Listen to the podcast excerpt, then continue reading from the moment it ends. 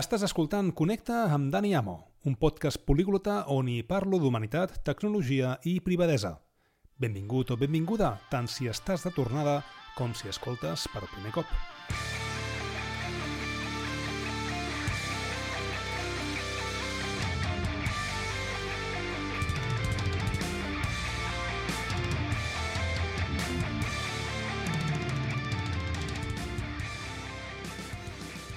En aquest episodi tinc una conversa amb Mireia Bussart. Mireia Bussart és una recercaire del grup de recerca Arguet dins de la Universitat Rovira i Virgili, on la seva carrera ha estat centrada en diferents contextos, un d'ells la gamificació, un altre les competències del segle XXI i també competència digital docent, i últimament doncs, està centrada en, en la bretxa de gènere.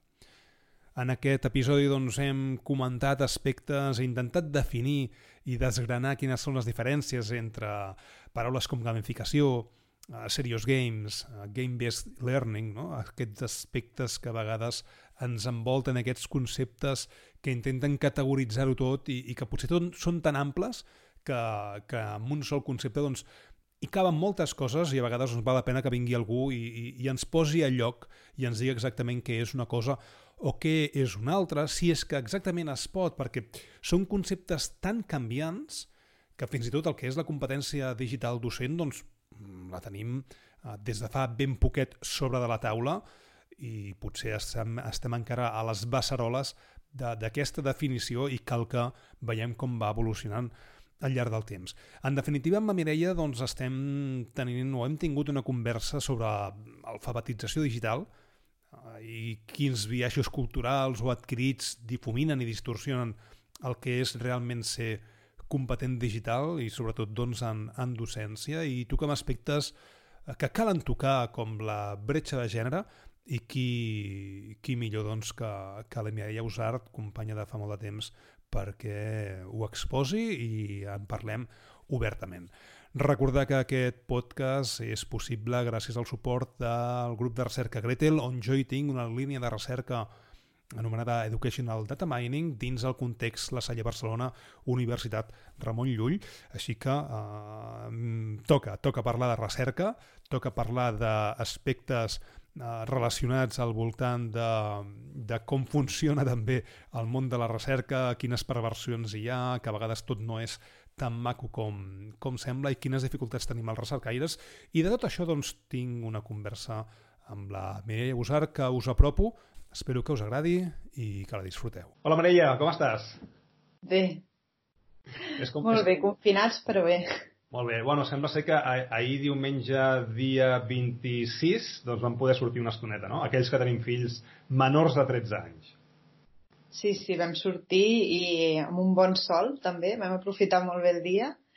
Eh, no vam, nosaltres no vam arribar a estar una hora, però, però va ser bastant ben aprofitada i, i el nen va dormir com feia dies que no havia dormit. També.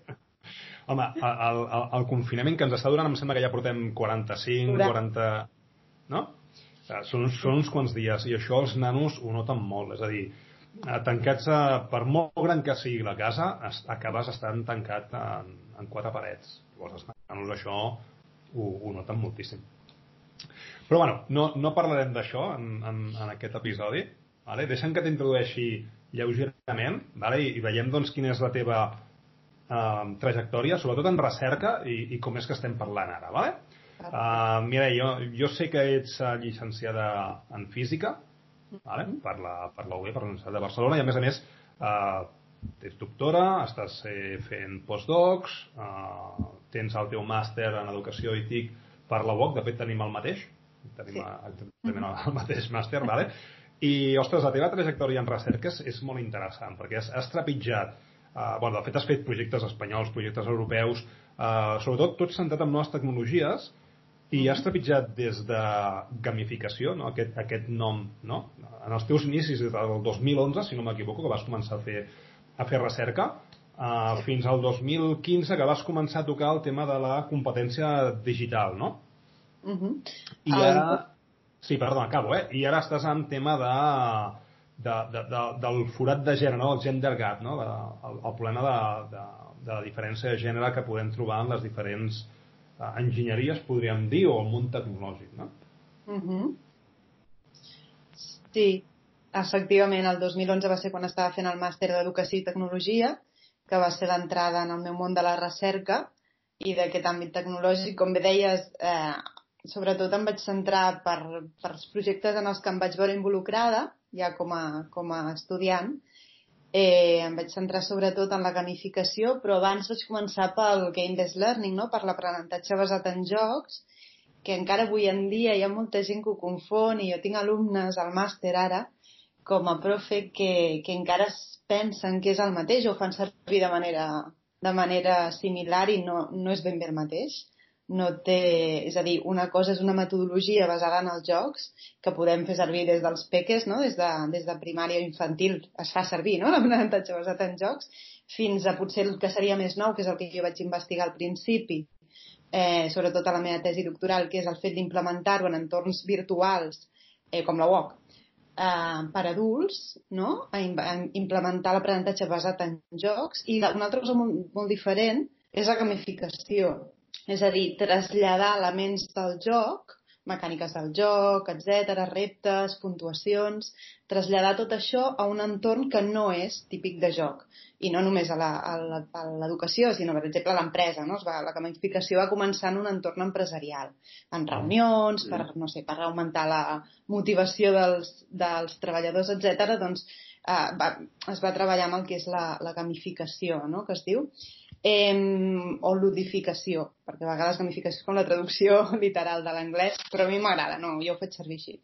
El tema és que no és ben bé el mateix, però ja et dic que encara després de tants anys, no, després de com, això, 8 o 9 anys, uh, encara segueixo veient els mateixos errors. I crec que hi ha conceptes que com que se'ns barregen i, i no hi ha manera que algú els posi blanc sobre negre i pugui explicar o, o vulgui explicar-ho clarament per a tothom. Aquest és un... Tinc pendent escriure alguna cosa que, que expliqui clarament i, i de manera concisa potser la diferència entre aquests dos termes. Però... Bueno, és que estem també en un moment en el que a tot se li posa una categoria.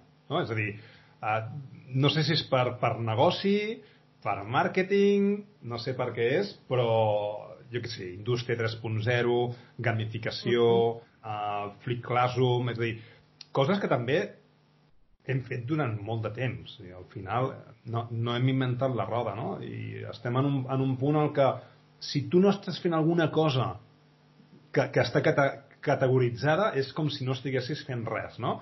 I a sobre estem confonent termes, perquè també hi ha una cosa que es diu serious game, és a dir, com, com hi entra amb això, serious game, no? Hi ha el Serious Game, uh, que també hi ha gent que li, dic, li diu los juegos serios, no?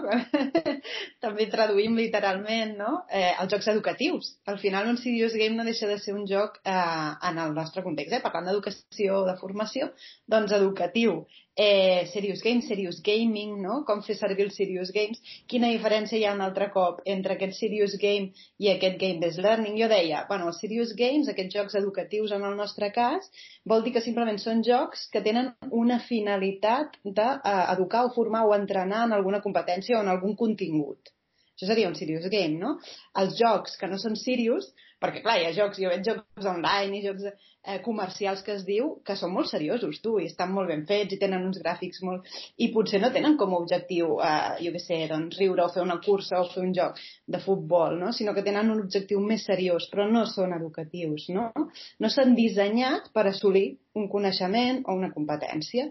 Llavors, aquesta diferència, aquesta manera de parlar a vegades no? que ens fa confondre les coses, crec que és molt important i que quan jo de seguida que algú pregunta doncs això, no? Serious Game, bueno, situem la finalitat que té aquesta, aquesta paraula que ens acaben de posar aquí davant, quina finalitat tenim? Més educativa?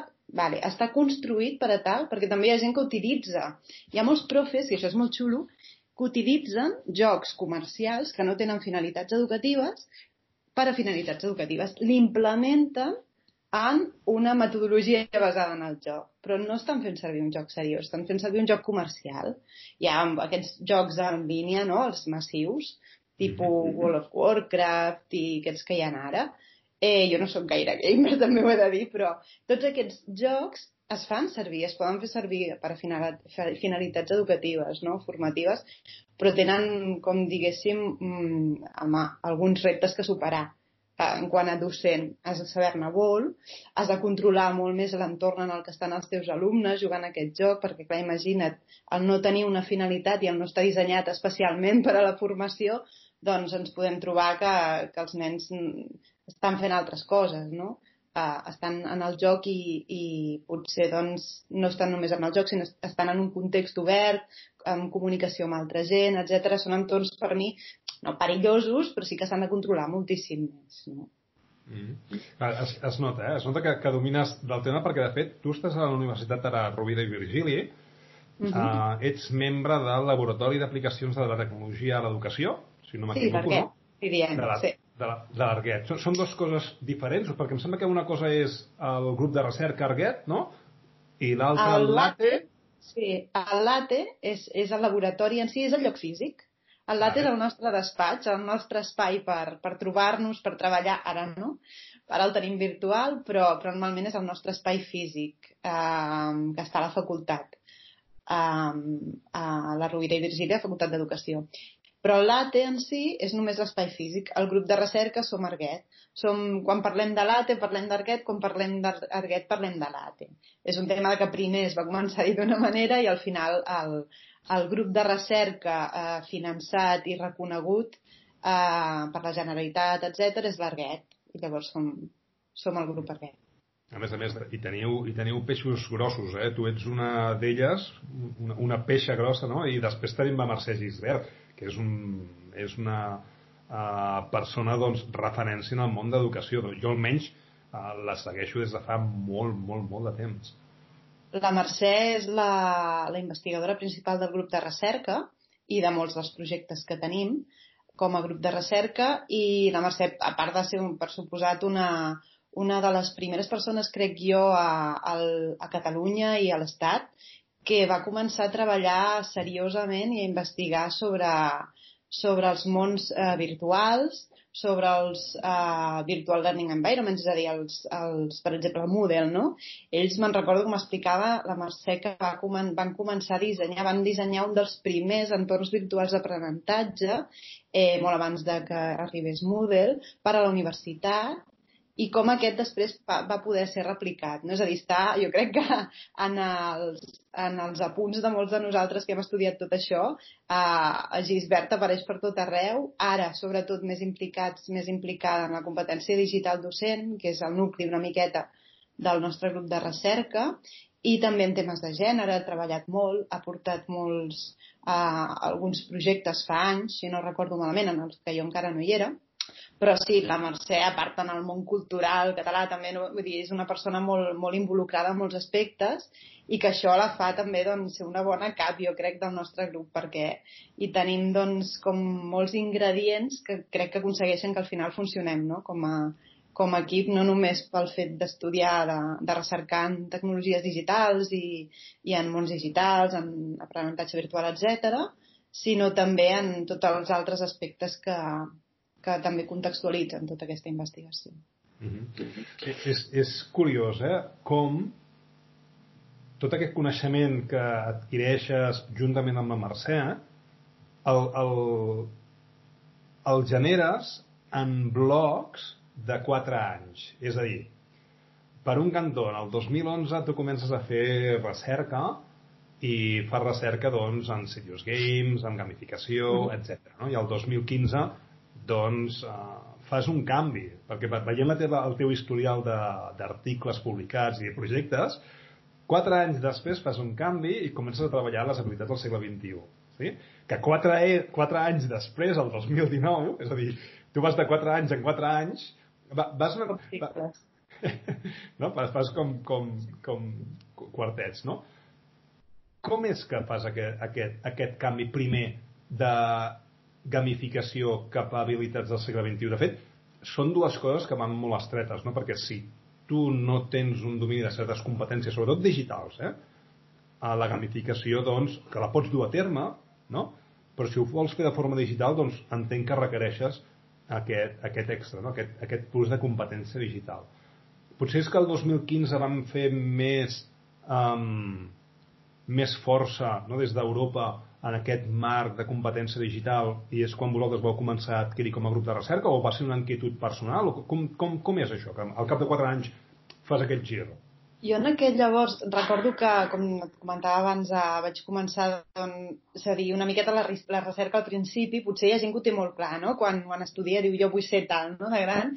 Jo mai ho he tingut clar, però a part d'això, eh, doncs crec que el context inicial que jo tenia o, o el grup en el que em vaig trobar en aquell moment, eh, en aquell moment estava treballant amb la Margarida Romero, que va ser una de les meves directores de tesi també, doncs eh, aquell, em vaig trobar el regal, m'agradaria dir-ho així perquè ho sento així, el regal d'un context europeu, d'un projecte europeu molt gran, eh, que de, de, de fet eren 32 entitats, entre elles universitats, empreses, per exemple, Atos Origin, no? Vull dir, empreses tecnològiques, etc, eh, que estaven en un projecte que acabava d'engegar, que era el GALA, Games and Learning Alliance.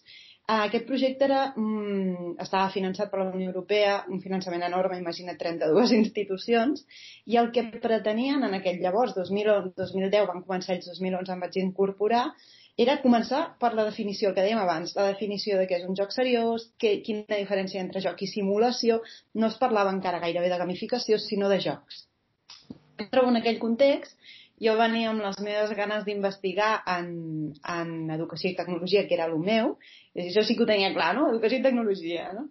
I em trobo amb tot allò dels jocs, amb tota aquella doncs, uh, novetat per mi. Eh, clar, això ho pots veure com alguna cosa negativa i dir, ostres, no m'agrada o és una cosa que no he triat, o veure-ho com una cosa positiva. Jo, no sé, la meva manera de ser em fa que davant d'una cosa nova sempre intento trobar-hi doncs, eh, alguna cosa que a mi em motivi. Per tant, vaig veure que era una gran oportunitat i vam centrar-nos molt en, en aquestes primeres definicions, com que jo venia de l'àmbit pedagògic, perquè en aquest eh, gran doncs, eh, compendi d'empreses i d'universitats hi havia sobretot gent de computer science, gent molt avasada a treballar amb, amb la part tecnològica, nosaltres havíem de fer-nos una miqueta càrrec de la part pedagògica i psicològica. Uh, la Margarida Romero és psicòloga, no? Llavors, tot això em va ajudar a entrar din, de ple dins la pedagogia dels jocs i d'aquí va sorgir després, això cap al 2013-14, va sorgir la possibilitat de presentar un projecte europeu, un Erasmus, centrat en la gamificació.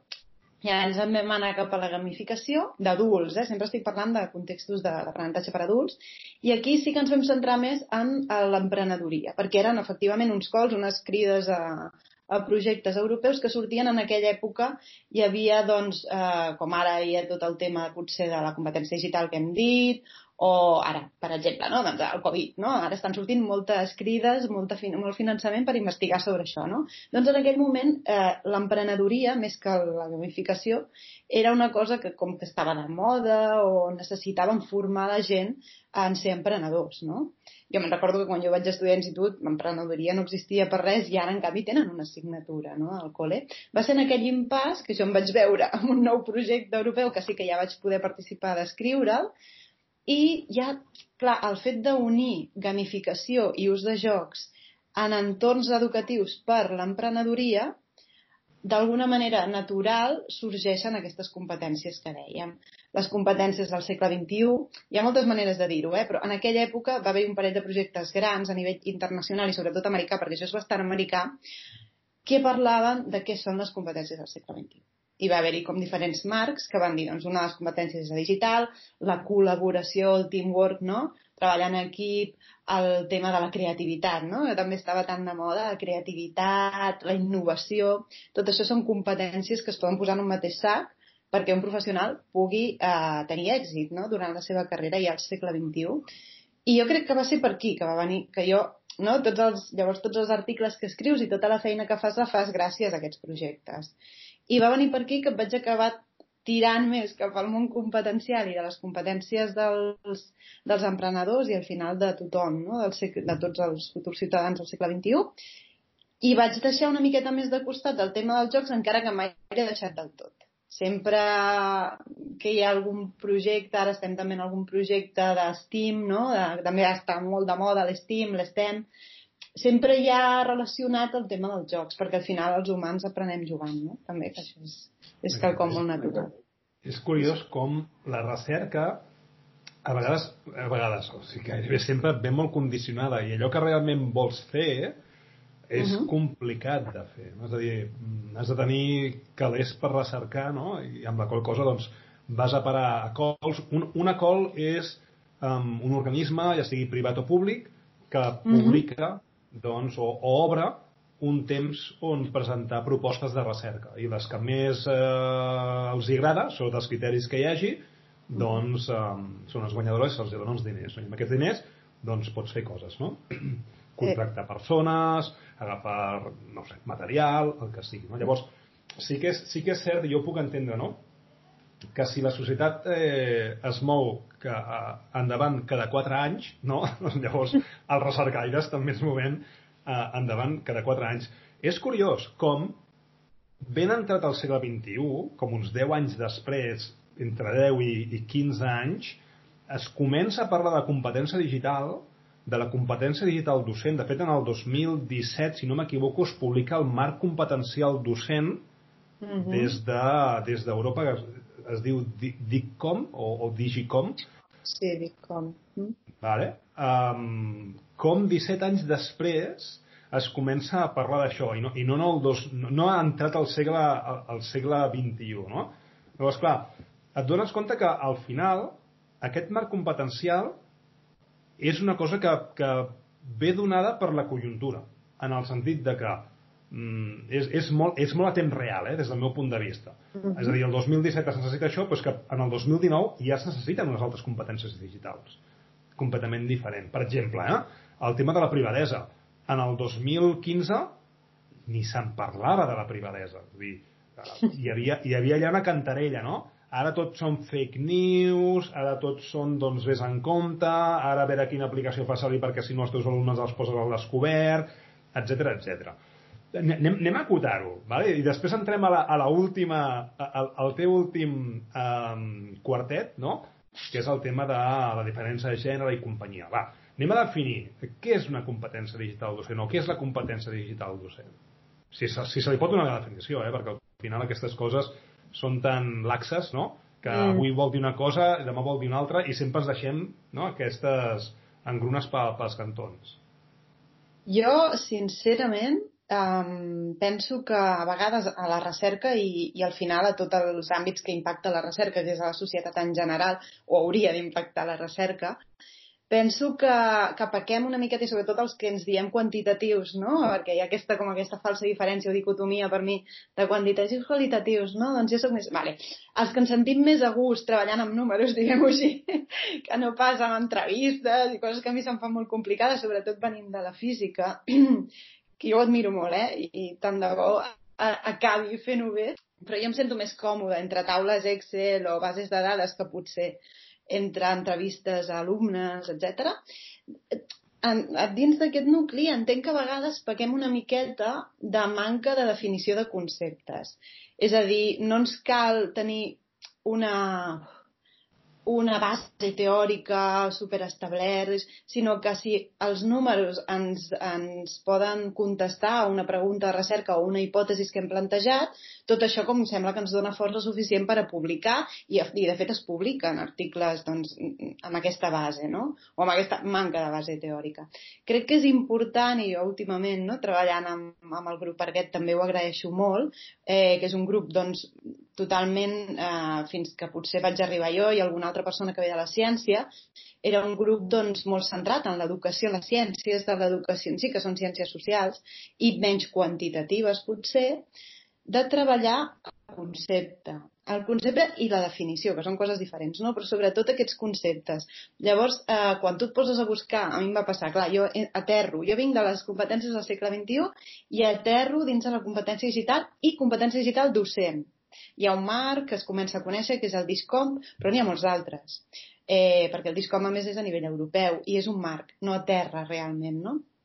Llavors, el que em trobo és que em fa falta aquest diccionari, aquest, ostres, com, què és la competència digital docent? Que jo ho pregunto, bueno, hi ha una persona per aquí que diu això, hi ha una tesi doctoral per allà que ha trobat no sé quantes eh, eh, definicions, i... però realment, clar, una definició, com diem, ha de venir d'un concepte, ha de venir d'un marc, ha de venir de, de tota aquesta realitat, no? al final, que estem parlant que, que és canviant.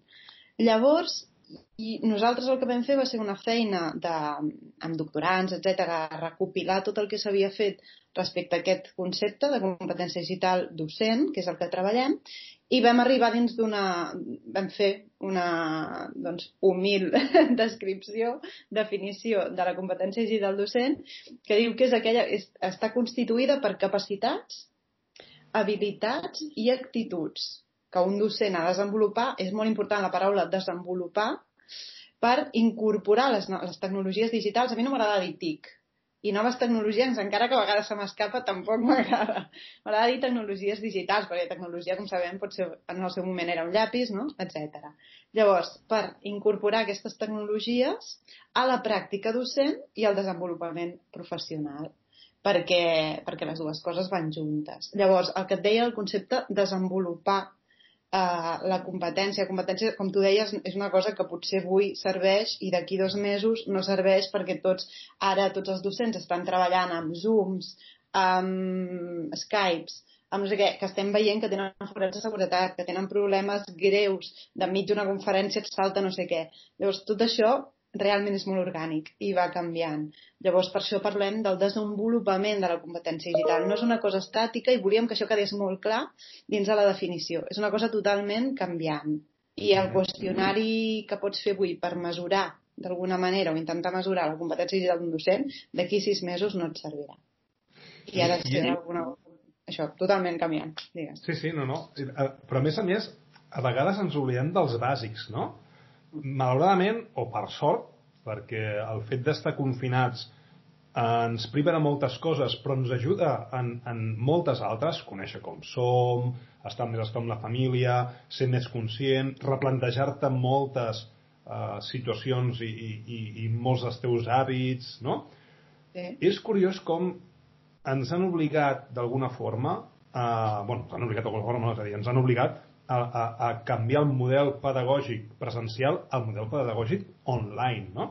Mm. I estem a vegades molt capficats amb aquesta competència digital docent que em sembla que costa molt d'adquirir i que hi ha, hi ha molts docents eh, que encara han de fer alguna, alguna feina per allà, que competència digital docent no vol dir jo domino Zoom, jo domino unes eines molt en concret, no? sinó que és tot un, tot un paraigües, no? el, que, el que tu has dit, eh? és a dir, aquestes tres, tres branques, en el moment que ens treuen d'aquesta presencialitat i no estem preparats per un model online, ostres, vol dir que hi ha uns bàsics que ens falten? És a dir, estem, és a dir, què ha de venir primer, l'ou o la gallina, no? És a dir, la competència docent digital és l'ou, és la gallina, i al tanto, eh? estem, estem parlant de competència digital docent, no d'alumne, que això és una altra, és una, altra història, exacte, un altre món, és a dir, com els, els docents competents digitalment són capaços de transferir aquesta competència do, docent adquirida als alumnes, és a dir, tenim com, com tres branques, no? és a dir, com, com es gestiona tot això d'aquí? És a dir, què hauríem de fer primer? Potser hauríem d'aturar-nos, parar i dir, ei, mira, anem a fer un aprenentatge docent en, en models digitals i després, doncs, comencem a fer les coses d'una altra forma, no? O, o, o potser eh, estem intentant salvar els vaixells perquè és una cosa que durarà dos mesos i després tornem a la normalitat. És, és tot molt complex, no? Això és... Tens tota raó, és, és, és molt complex i... Home, parar màquines jo crec que seria l'ideal i que... La Mercè ho ha recomanat, eh? Al principi del confinament me'n recordo que va fer un, un vídeo a Twitter que va ser super retuitejat no, per tots els docents que es trobaven en aquesta situació com desesperada per, al principi, eh, o totalment nova, i, i parlava d'això. Jo crec que, que realment no es pot parar màquines, per tant això ens ho hem de treure del cap. Podem baixar el ritme, podem dedicar espais a formació, ja ho fem, no? Els docents ja ho fan, eh, però que els hem d'oferir aquesta formació. Crec que l'important i que també un dels aspectes clau de la competència digital docent és que acompanyem el desenvolupament alhora de la competència digital dels nostres estudiants. Parlem que és molt diferent la competència digital docent d'un professor, d'un mestre de primària o d'infantil, perquè hi ha de tenir una competència digital. Ara mateix, el meu fill té 7 anys, va primer de primària i els profes estan al Google Classroom, no? Eh, no comen sobre aquestes coses i això donaria per un altre podcast, però crec que, que aquests docents ningú els ha pogut formar en competències del docent a la carrera ara mateix dels, per, per, dels futurs professors a educació no tenim una assignatura. A Catalunya estem treballant, tenim un projecte també eh, també dirigit per Arguet, amb totes les universitats eh, catalanes públiques i algunes en la UOC també i la Universitat d'Andorra, treballem en la mesura i la certificació de competència digital docent en aquests estudiants, perquè ara mateix no els estem formant de manera mm, clara, sinó de manera com molt eh, transversal durant la carrera i no hi ha un programa. Jo crec que el que ens ha passat ara ens ajudarà eh, en aquesta formació. Crec que és necessari perquè això, perquè els profes s'han trobat ara mateix en, doncs, en intentar salvar els trastos i, i arreglar la cosa en un mes, mes i mig, dos mesos, i jo només bueno, penso en els estudiants que ara hauran de fer la selectivitat, per exemple, no? i amb tots el, els profes que els acompanyen i tot el merder que hi ha. Llavors, jo sincerament crec que això de parar màquines no, però sí, mm, reduir una mica la marxa, intentar, intentar fer més visible el, el, el terme competència digital docent i com podem mesurar-lo i, i treballar-lo, desenvolupar-lo. I sobretot que no pensem que això és una cosa eh, que ha passat ara perquè ha passat i... No, és que si no hagués passat pel Covid hagués passat per una altra cosa, però ja estàvem en aquest món, ja estàvem, els docents ja estan treballant amb tecnologies digitals cada dia eh, i sobretot els alumnes estan en un món digital també, per tant si els profes no els sabem guiar, els alumnes no seran uns ciutadans competents digitalment. I això ve després ja per la, pel pròxim tema de, de la competència digital dels estudiants i les estudiants, que és molt important.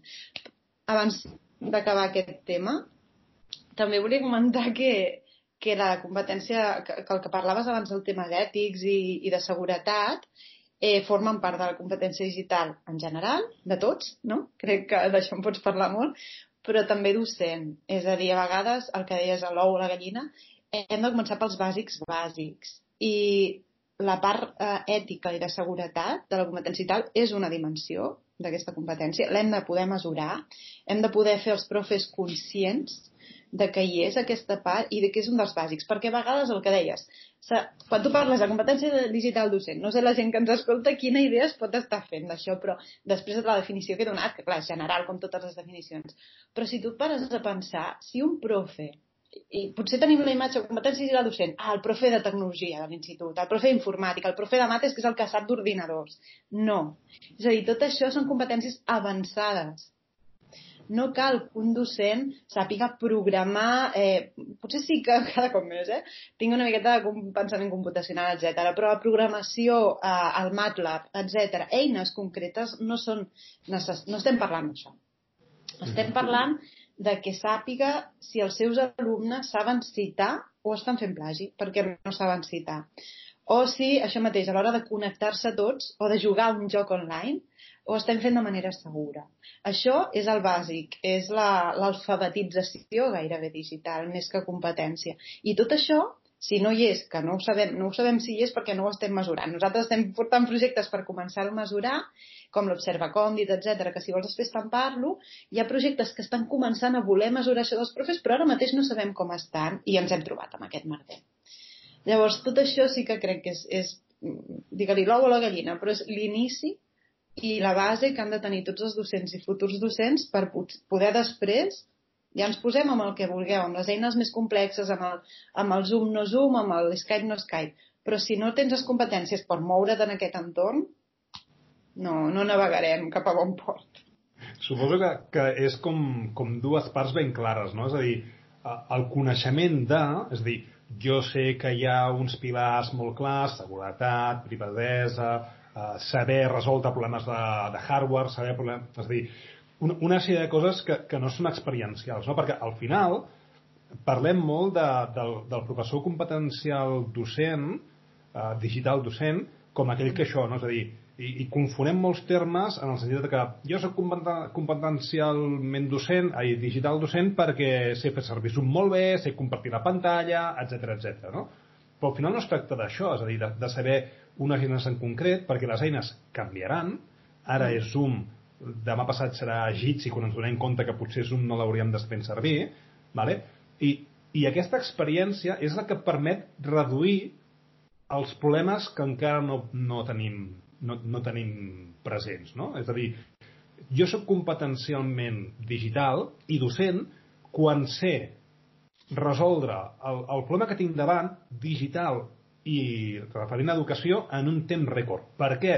Perquè sé on haig d'anar a buscar les coses, perquè tinc el contacte que m'ho pot resoldre, vale? perquè al final, per molt competent que siguis en temes digitals i docents, al final sempre et trobaràs amb problemes quan utilitzis eines noves, no? Llavors, jo penso que es tracta d'un conjunt de coneixements, un conjunt d'experiències i un conjunt de recursos no, que has de tenir doncs, en el teu calaix per resoldre aquestes coses. Fes-me cinc cèntims, va, o, o entrem directe en aquest, eh, en aquest observatori vale, de, de, de competències, en quin estat està i quin, quin és l'objectiu. Entenc que el que es tractaria és de fer un mapejat de la competència digital docent actual? Sí, justament eh, doncs dins de tota aquesta necessitat nostra per, per definir, per, per tenir una idea clara d'aquest nivell de desenvolupament de la competència digital dels docents de Catalunya i d'Espanya al final de tot, eh, de, de tot el país, doncs el que, el que vam fer va ser proposar un, un I+D, un projecte al Ministeri, que ens van adjudicar l'any passat, i aquest projecte no era ni més ni menys que, que aquest observatori que la Mercè feia anys que anava darrere de, de crear-lo per aquesta necessitat que ella com a persona que ha estat des dels inicis de tot això davant ha vist que, que era molt necessari perquè parlem, ens omplim, no? Eh, I et dic, eh, abans de tota la situació que tenim actual, uh, d'aquests termes i d'aquests... No? Hem de formar els docents, però no sabem com estan ara mateix, en quin panorama estem no? en el nostre país.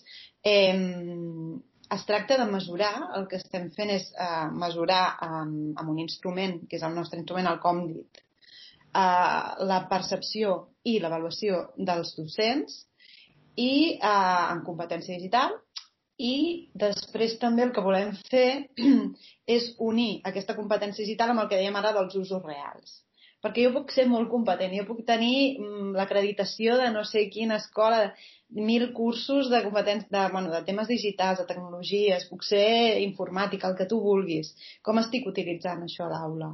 Els usos reals a l'aula. Utilitzar molt la tecnologia vol dir utilitzar-la bé? No ja sabem que no, no?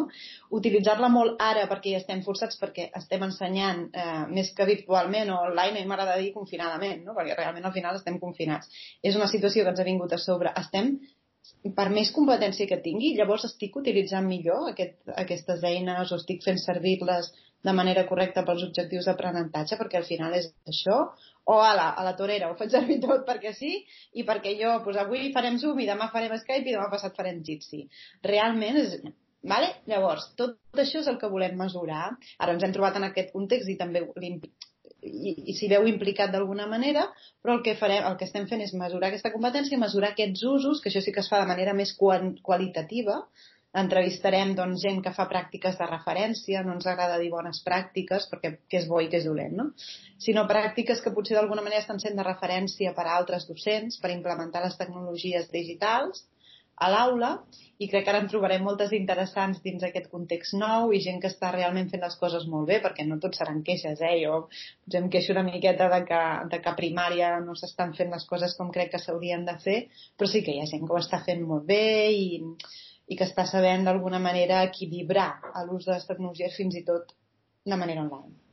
Perquè al final es tracta d'equilibris, no? de, de no saturar la gent, de no estar constantment connectats, tot això. Llavors, tot aquest, aquesta mesura i aquesta imatge és la base de l'observatori, que després servirà per compartir aquestes pràctiques de referència i per fer ciència, però també per aterrar moltíssim en la pràctica dels docents dia a dia, Volem que serveixi, per suposat serà una base web, és una base web que ja estem acabant de, de treballar i que sortirà molt aviat, i, i a dins d'això, per darrere, doncs ve tota una part de, de bases de dades i de, de les dades d'aquests docents que ens serviran per anar millorant i per anar actualitzant aquesta competència i que la gent que es vulgui formar de manera més genèrica o de manera més mm, com mitjançant assessories, per exemple, doncs també ho pugui tenir l'oportunitat de fer-ho. És un observatori, tal qual, és dir, el nom ho diu tot, volem saber on som i ajudar la gent avançant en la competència digital docent. Mm -hmm. és, és curiós, eh? Que després de tants anys no hi ha hagut cap mena d'observatori d'aquest estil i durant mm -hmm. tants anys, jo porto des del 2009-2010 formant a docents, que és quan jo, jo tenia empresa pròpia i en el 2010 doncs, em vaig eh, no reinventar, sinó continuar fent allò que feia però no en, en el mateix context, sinó en un context diferent. Havia donat des de fa molt de temps doncs, formació a adults i vaig fer el canvi a, a una formació doncs, a, a més joves, no? I, i, ara, i ara torno a donar doncs, formació en, en adults, no? I tot i que en el 2010 fins, fins a fa ben poquet doncs vaig estar en, en donant formació amb molt petitons o educant amb molt petitons, no? També vaig continuar fent educació a, a, a grans com a docents i jo des del 2010 que estic formant en tecnologies, des del 2010, és a dir, porto 10 anys eh, en, ensenyant, eh? és a dir, com anem de lents? És a dir, sembla ser, sembla ser que, i, i els mateixos comentaris que fem ara, no? és a dir, encara hi ha qui no s'ajunta, qui, qui, qui no es posa la roda, qui encara és reticent, qui encara doncs tal, encara estem en la mateixa situació, és a dir, som així de negatius perquè som, som humans i és la nostra naturalesa eh, queixar-nos sempre? Ha canviat en alguna cosa? És a dir, clar, això no ho sabem fins que no tinguem els primers resultats de, de l'observatori, no? Però com ho veus tu? És a dir, en, encara ens falta molt per recórrer? I, i, i relacionant amb aquest confinament, en realitat, els docents que ens hem queixat, ens hem queixat per no tenir una competència digital o per altres aspectes? Hòstia, t'he fet moltes preguntes ara, eh? ja ho sé, però... Sí, no sé si sabré respondre tampoc, eh? Són bones, eh? Però... Uh, jo crec que queda camí per recórrer perquè si no tampoc tindria sentit fer les coses. Sempre, jo crec que, bueno, el que et deia, pots mirar les coses que, que ens venen com a negatives o com a positives i jo sóc de les que ho veig sempre com a positiu. Per tant, el camí que ens queda per recórrer, que crec que és molt, és, és perquè ha de ser així. Val? I, I per això també la competència digital docent, tal com nosaltres la veiem i l'estudiem i la mesurem, té com diferents nivells. Vull dir, hi ha molts nivells. Per estar al nivell 0 o al nivell inicial d'una competència no vol dir que no, que no estiguis on has d'estar. És com qui practica ioga, no? Doncs no vulguis tocar-te els peus amb les puntes dels dits, no? Sí, el primer dia perquè no hi arribaràs, però és on has d'estar. Si no comences per aquí mai arribaràs, no? Al final. Llavors jo crec que això, que a vegades també les comparacions o el dir no, perquè aquest profe mira el que està fent i ho hauria de fer, això tampoc és bo pels docents ni pels que formem a docents. Crec que hem de saber que, que hi ha diferents estadis, diferents nivells, diferents moments del camí que en general, com a societat, crec que sí que estem a l'inici d'un camí, que ens ha, ens ha vingut potser... Ens ho hem pres de manera més relaxada perquè, perquè els canvis costen en general i la tecnologia digital, vulguem o no, com que també canvia tan ràpidament, ens costa encara més, amb tota la feina que tenen els docents a sobre en general, i els canvis de sistemes educatius, etc, no? de contextos. Llavors, tot això estem a l'inici, però crec que també el que ha passat, el que ens està passant ara, eh, pot d'alguna manera potser ajudar a accelerar. Per això cal, més que mai, mesurar i estar a sobre, perquè quan s'acceleren les coses es poden descontrolar una miqueta. Llavors penso que sí que estem en aquest punt en el que, a més, això, eh, ens hem de fixar cada un en ell mateix, en on està, per això les eines que oferim també, de dir, bueno, jo vull saber on soc, m'és igual on siguin els altres. També a nivell de centres, molt important que quan estàs en un centre saber on és cada un i com ens podem ajudar mútuament, que això també és molt interessant, fer un diagnòstic no? de, de centre, d'equip eh, docent per veure cap on podem anar i si estem on, on, on hem d'estar com a equip. Crec que això també és molt, molt important, més ara més que mai. I, i el fet de, ja et dic, eh, de sempre veure com una cosa positiva veure que, que realment doncs, hi ha diferents aspectes a tenir en compte. Podem estar molt, per la manera de ser, eh, per com sigui cada docent o pel que ha hagut de fer en aquests dies, que ens haguem posat molt en un aspecte concret, com la, la seguretat que deies tu, i que ens faltin altres aspectes més pedagògics, més concrets, més de, o de disseny d'activitats, etc que, doncs, que, que altra gent sí que té, o al contrari, Llavors tot això crec que és, és molt complex. Al final és, és complexa i és, no, no es pot fer cap no? generalització ni podem fer una fotografia en general, sinó que s'ha d'anar a cada, a cada I a sobre, i a sobre, és a dir, a banda de, de tota aquesta gamificació, a banda de tota aquesta competència digital docent, a banda de, de tots aquests gaps que hi ha pel mig i de que ens hem de posar les piles, sobretot per, per fer les coses de forma diferent, fixa't que abans del confinament estàvem fent servir, almenys en docència, les mateixes eines. És a dir, excepció que ara estem fent servir videoconferències, és a dir, eines de videoconferència, abans, a, a les aules, feien servir exactament les mateixes eines perquè les eines que fem servir les aules ja són de models virtuals. El que passa que les fem servir en, en, en dins de l'aula, no? en presencial. Però a tot això uh -huh. hi sumem un altre aspecte, que és el de la diferència de gènere en, en, en, en, en aspectes digitals, no?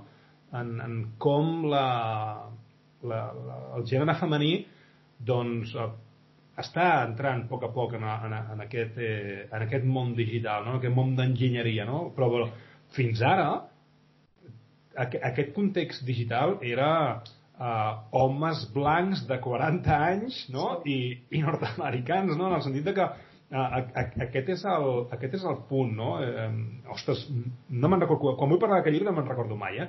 Hi ha, hi ha una exdirectiva de, de Silicon Valley que ho exposa sí. molt clar, eh? és a dir, estem en, en un món doncs, d'aquest doncs, tipus, no? Llavors, és una, és una necessitat actual parlar-ne? És, és, en quin punt estem? Perquè tu el 2019, uh -huh. en temes de, de diferència de gènere, del gender gap o, o qüestions de gènere, el 2019, o sigui, fa res, fas un canvi en, el, en la teva recerca. I no vol dir que és una cosa que tu t'hagis donat compte ara mateix i, i ara és moment de, de fer ressò, sinó és una cosa que penso que ve, ve de llarg, no? Però el 2019, uh -huh. ostres, fas un, fas un gran esforç no, en aquest sentit. En, en quin punt estem? Uh, en, explaya't, eh, com vulguis, eh, en el món de la recerca, en el món tecnològic, en el món digital... Pau, eh? Clar, clar, clar, és a dir, és, és molt extens i, i, i, i tothom està dient que és un problema, no? És a dir, hi ha un problema, hi ha, hi ha, un, hi ha un forat de gènere, no? En quin punt estem? I per què és un, un problema, no? Jo, eh, clar, el tema mm, a mi em toca... Jo vaig tots aquests canvis que t'he dit, de, o els inicis, el canvi cap a les competències del segle XXI, tota aquest traje, aquesta trajectòria professional al final, eh, doncs em va venir donada pel context que t'he explicat abans, com a la majoria de gent jo crec que ens dediquem a la recerca, que al final, com has dit tu, ens hem de, de basar una miqueta en els finançaments i en les oportunitats que ens venen o en el context del grup de recerca en el que estem. Jo tinc la sort de nou de, de tenir una, una cap de grup molt oberta i, a, doncs, a idees de, del seu equip. I realment jo he tingut canvis vitals, com tots tenim, i, i coses que, que, que, que es barregen al final amb tota la, la vida laboral. I dins la meva vida personal va haver un moment clau a la meva vida, jo bueno, he sigut mare, he, he, he sigut mare d'un nen que tinc aquí de 7 anys, però he sigut mare eh, d'altres nens que no hi són. Llavors, tot aquest canvi, tota aquesta maternitat viscuda d'una manera, jo sempre dic, molt visceral i molt, doncs això, de cop i volta com una, com una, alguna cosa que et desperta, eh, es va, jo crec que al final s'acaba barrejant moltíssim amb la teva vida laboral i amb el que tu fas, perquè al final els que treballem en recerca ho fem perquè ens apassiona també. Eh, llavors es barregen les dues passions de la meva vida que han sigut el fet de ser mare, no? Eh, i el fet d'acompanyar el, el meu fill i el fet d'acompanyar estudiants, d'acompanyar professors i de poder formar a, a gent, doncs al final se m'ha barrejat de tal manera que el meu cap en algun moment va fer una mena d'explosió i es va donar que, que estava seguint certs criteris i certes, doncs, eh, no sé com t'ho diria, eh, aspectes que ja hi són a la nostra societat de per si, que potser caldria reflexionar-hi. És a dir, donem moltes coses per fetes, el que tu deies, a les, a aquests llibres que ja estan sortint ara i, i, i articles molt interessants de dones i d'homes que diuen, escolta'm, les dades, vull dir, cuidado que això no és algo neutre. que aquí hi ha temes de gènere, perquè com estem mesurant les coses, no? com diem les xifres, la manera de parlar, tota aquesta, no? aquest uh, patriarcat en el que estem, etc. Tampoc entraré dins aquest tema, però hi som, no? Som en una estructura i en una, bueno, en una societat que s'ha basat eh, doncs, que, en un gènere, no? que és el masculí. Llavors sí que hi ha moltes iniciatives, s'està treballant molt per visibilitzar i per motivar les noies eh, doncs, a treballar en, en tecnologies digitals, en ciències, sobretot en ciències anomenades dures. Jo vinc de la física. Què t'he de dir? Vull dir, nosaltres hi érem unes quantes, però mai, vull dir, jo tenia química al costat que eren un 90% noies i nosaltres no arribàvem al 50, no? I les enginyeries, tot això, les dades canten i diuen que encara no estem en una, en una igualtat plena. Eh, a part d'això, ja et dic que per mi és molt fred, és molt números, és molt, eh, és fora de mi, dins meu, aquest plof que vaig fer, aquesta explosió vital, va, va venir més donada pel tema eh, feminitat en si, és a dir, per què he d'entrar a la ciència d'una manera masculina o recta o, no? Vull dir, que, que pot ser molt bona per molts homes, si a mi no m'està servint, si estic intentant encaixar en un món en el que no encaixo, però tampoc tenia models femenins per encaixar-hi, tenia molts pocs, sí? I els que tenia es comportaven de manera masculina, per dir-ho d'alguna manera, no? Sempre intentant encaixar en aquest. Llavors, jo em notava com més, d'alguna manera, cíclica, espiral, la manera de treballar que tenia, la manera de, de portar els meus equips, ho veia com diferent. Llavors vaig començar a investigar, aquí sí de manera totalment qualitativa, no? vaig començar a investigar en aquest aspecte de, doncs de, de portar la ciència, però des del punt de vista femení. I aquí primer vaig trencar amb la ciència, vaig fer, em vaig retirar de tot això durant una època per, per integrar-ho jo, per viure-ho jo en primera persona com a, com a dona i no com a científica. I després tot això amb el temps, com tu dius, ha sortit una llavor que sí que ha vist la llum ara aquest any passat en forma de recerca eh, quantitativa totalment en aspectes de gènere, diferències de gènere en quant a les tecnologies digitals. I aquest és el meu fillet petit ara mateix, a part del meu fill, és el meu fillet científic, o filleta, me l'estimo molt, i és un projecte que, que ens han finançat fa molt poc i del que també podreu saber molt d'aquí molt poquet temps perquè està ja a punt de veure la llum, que es diu Mindgap, i és un projecte que vol mesurar la bretxa digital de gènere eh, no definida com, com a usos de, de les tecnologies digitals, sinó definida de nou com la competència digital. És a dir, les dones creiem que tenim menys competència digital que els homes i tot això sembla que és una de les raons de base per les quals no estem triant certes carreres científiques i certes carreres relacionades amb la tecnologia. Eh, ja des de molt petitones.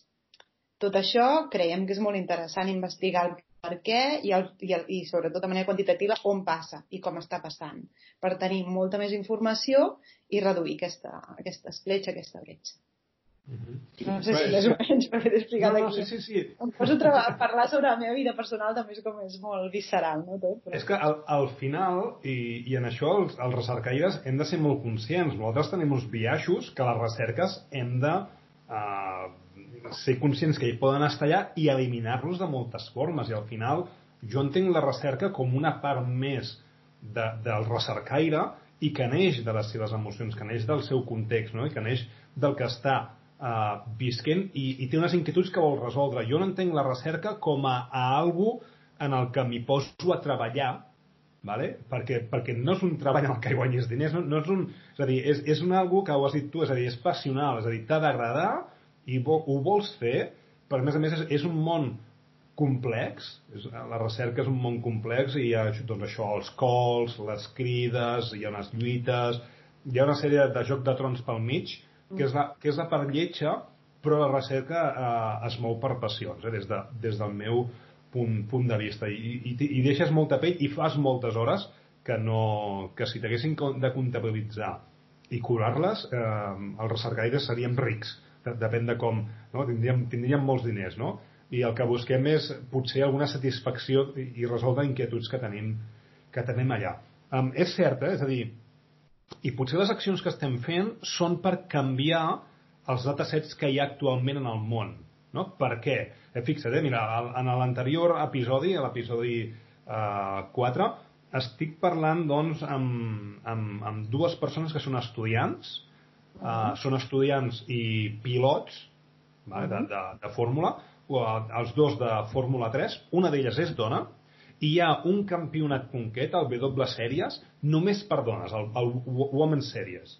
Uh -huh. vale, llavors, es fan moltes accions, malauradament, i per sort, és, és una cara de doble moneda, no? És a dir, malauradament hi ha aquestes accions, però per sort hi són, no? Per què? Perquè el que comentaves tu, és a dir, estem en un món on les dades que tenim i de les quals traiem conclusions i actuem en conseqüència, doncs són d'un segle en el que les dones eh, doncs potser no han tingut un paper mm, primerenc, no? Ni, ni, ni secundari.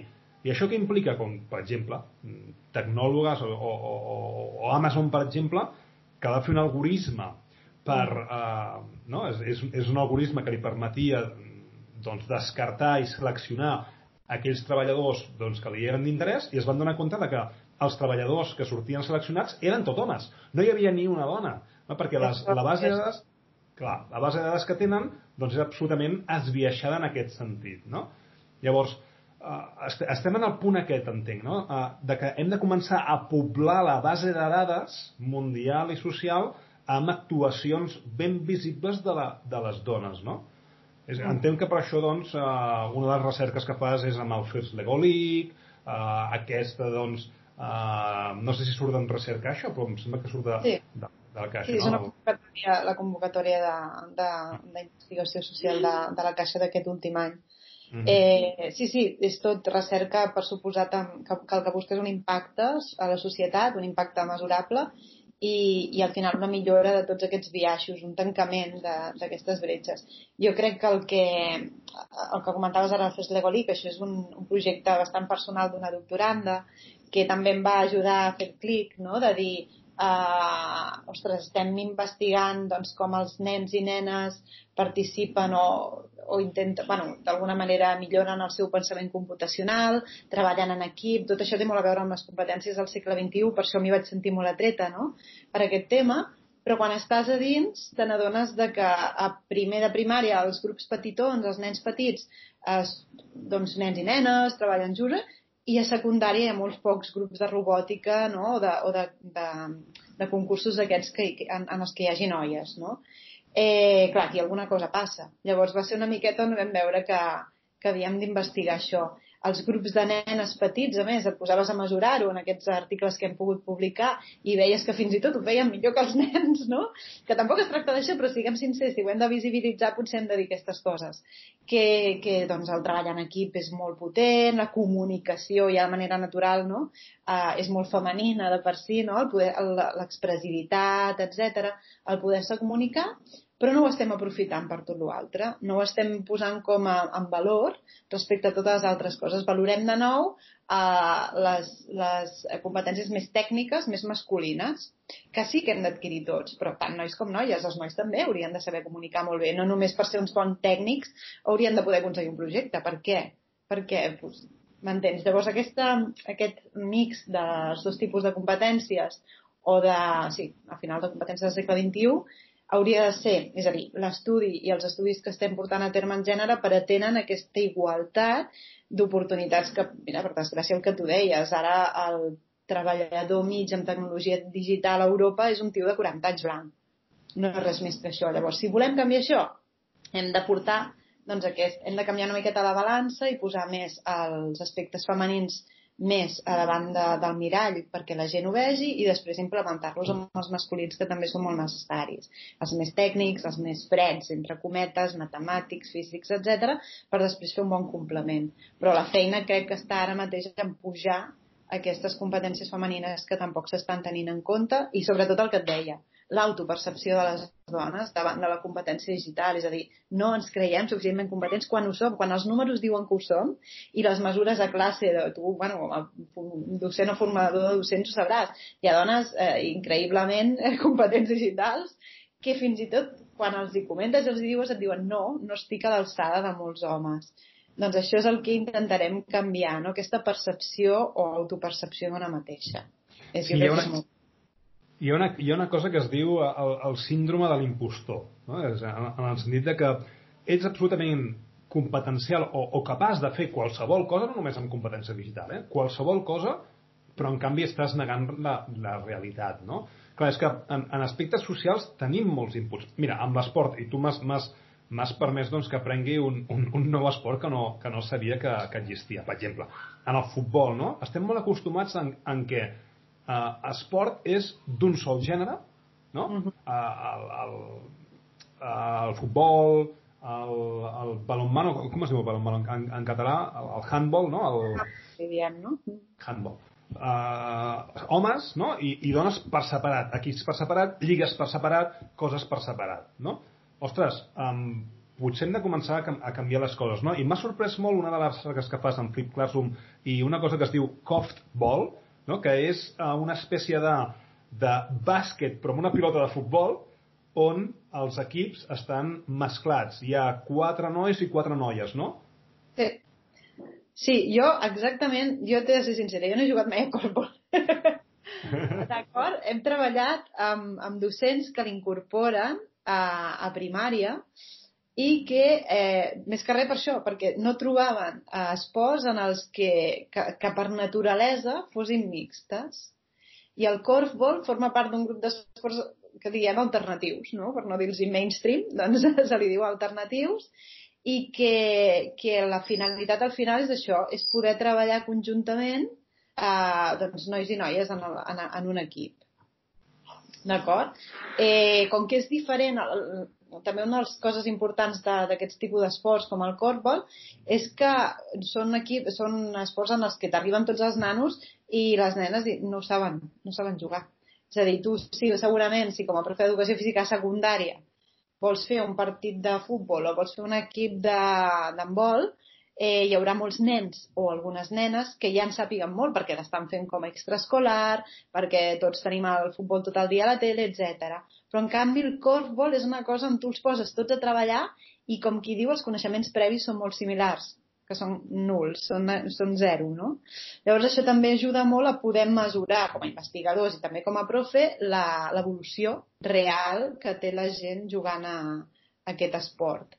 Eh, els seus defensors, eh, perquè pensa que això està, bueno, hi ha lligues internacionals, eh, hi ha un moviment molt fort en aquest esport, en, de, de, en quant a cooperació, per exemple, en quant a companyerisme, en quant a igualtat d'oportunitats, o sigui, hi ha tota una filosofia darrere d'aquest esport que ens va semblar molt interessant per poder, a part d'estudiar una metodologia com el model com el Flipped Classroom, de també poder treballar aquests aspectes de gènere i dir, ostres, doncs això és un bon camp de proves no? I, de, i de, de testeig de diferents activitats i de, i de diferents aspectes que ens interessa estudiar amb els, amb els alumnes, no? i també amb els docents, per què no?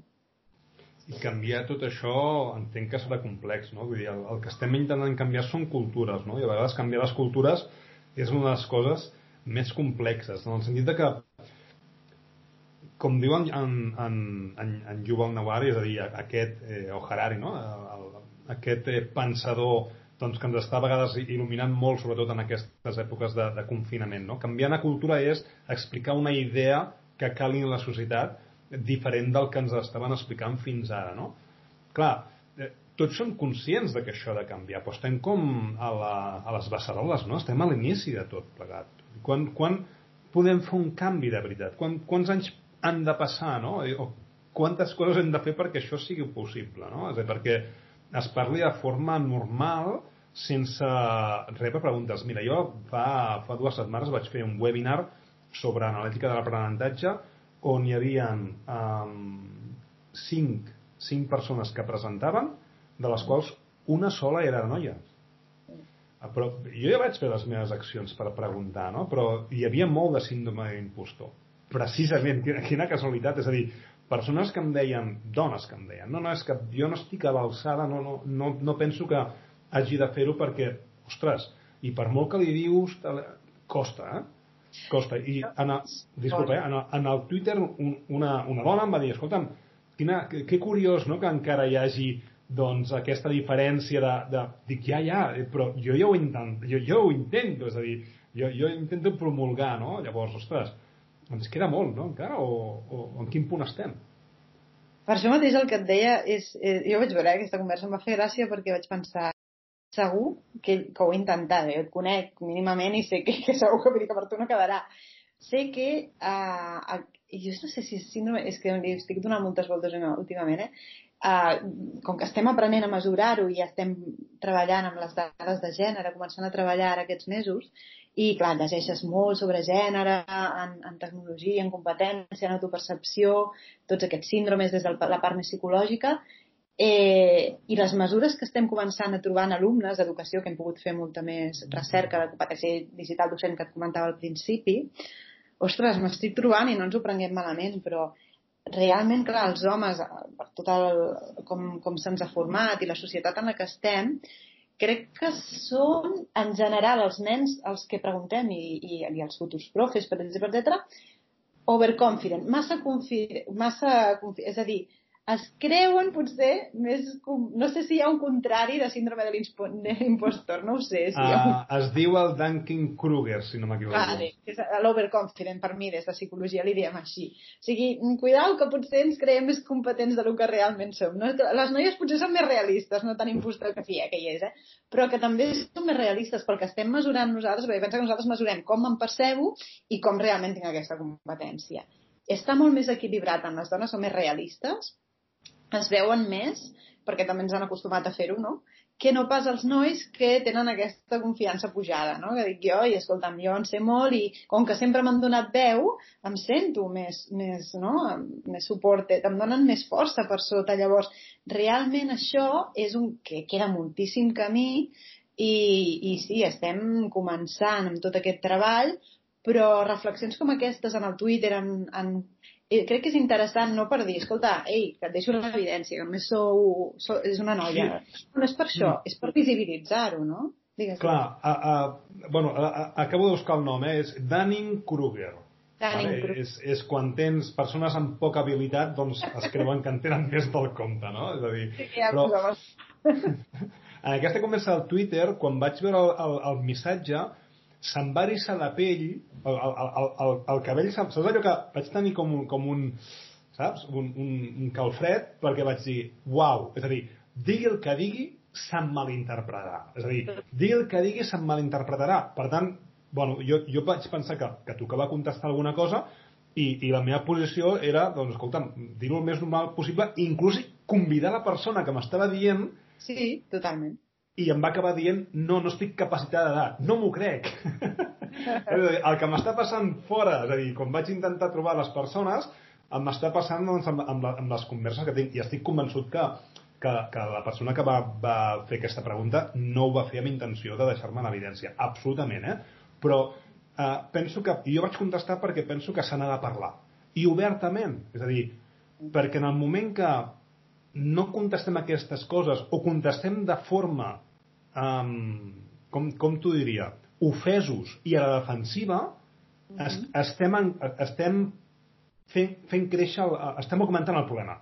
Vale? I estem sí. dividint encara més, no? Amb la qual cosa, doncs, doncs sí, sí, en, en primer moment vaig tenir aquest calfred i vaig dir, no, no, has de contestar i contestar de la forma més, més natural possible i, a més a més, fer-ho partícip. Vale? És a dir, intentar doncs, que, que tothom hi participi, no?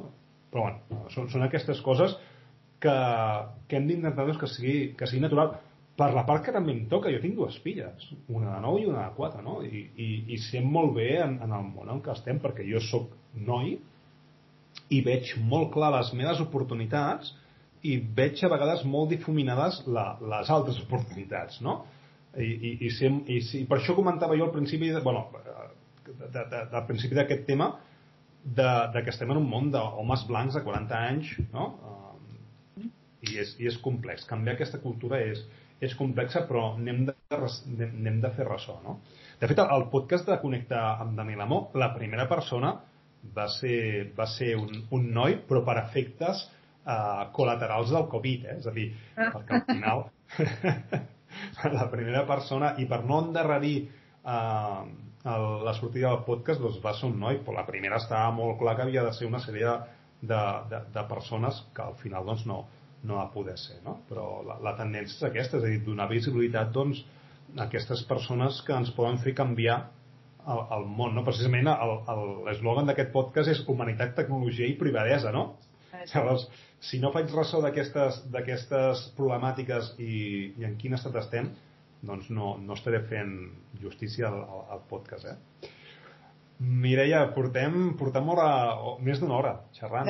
Um, S'ha passat ràpid, eh? S'ha passat molt ràpid. I ara amb aquest tema jo encara en parlaria més, eh? Vull dir I, I podem, eh? Però saps què passa? Que a, la, a les 12 he promès a les meves filles de que anirien a fer la volta i. Jo també, tinc aquí el pobre meu que m'està esperant i, Clar, i hem de fer... avui no. toca fer classe a veure quin, quins deures entre cometes ens han posat. Jo, jo, jo els, tinc, els, els tinc a la cua. Bueno, dels deures ja en parlarem, eh? perquè, ostres... No, això, per això, podem fer molts podcasts, vull dir.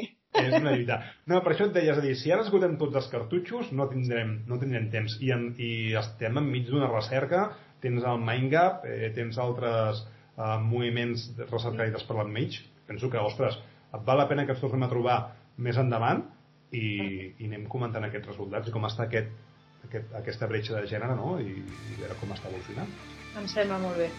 Fantàstic, Mireia, doncs res, deixem-ho aquí i ens veiem al proper.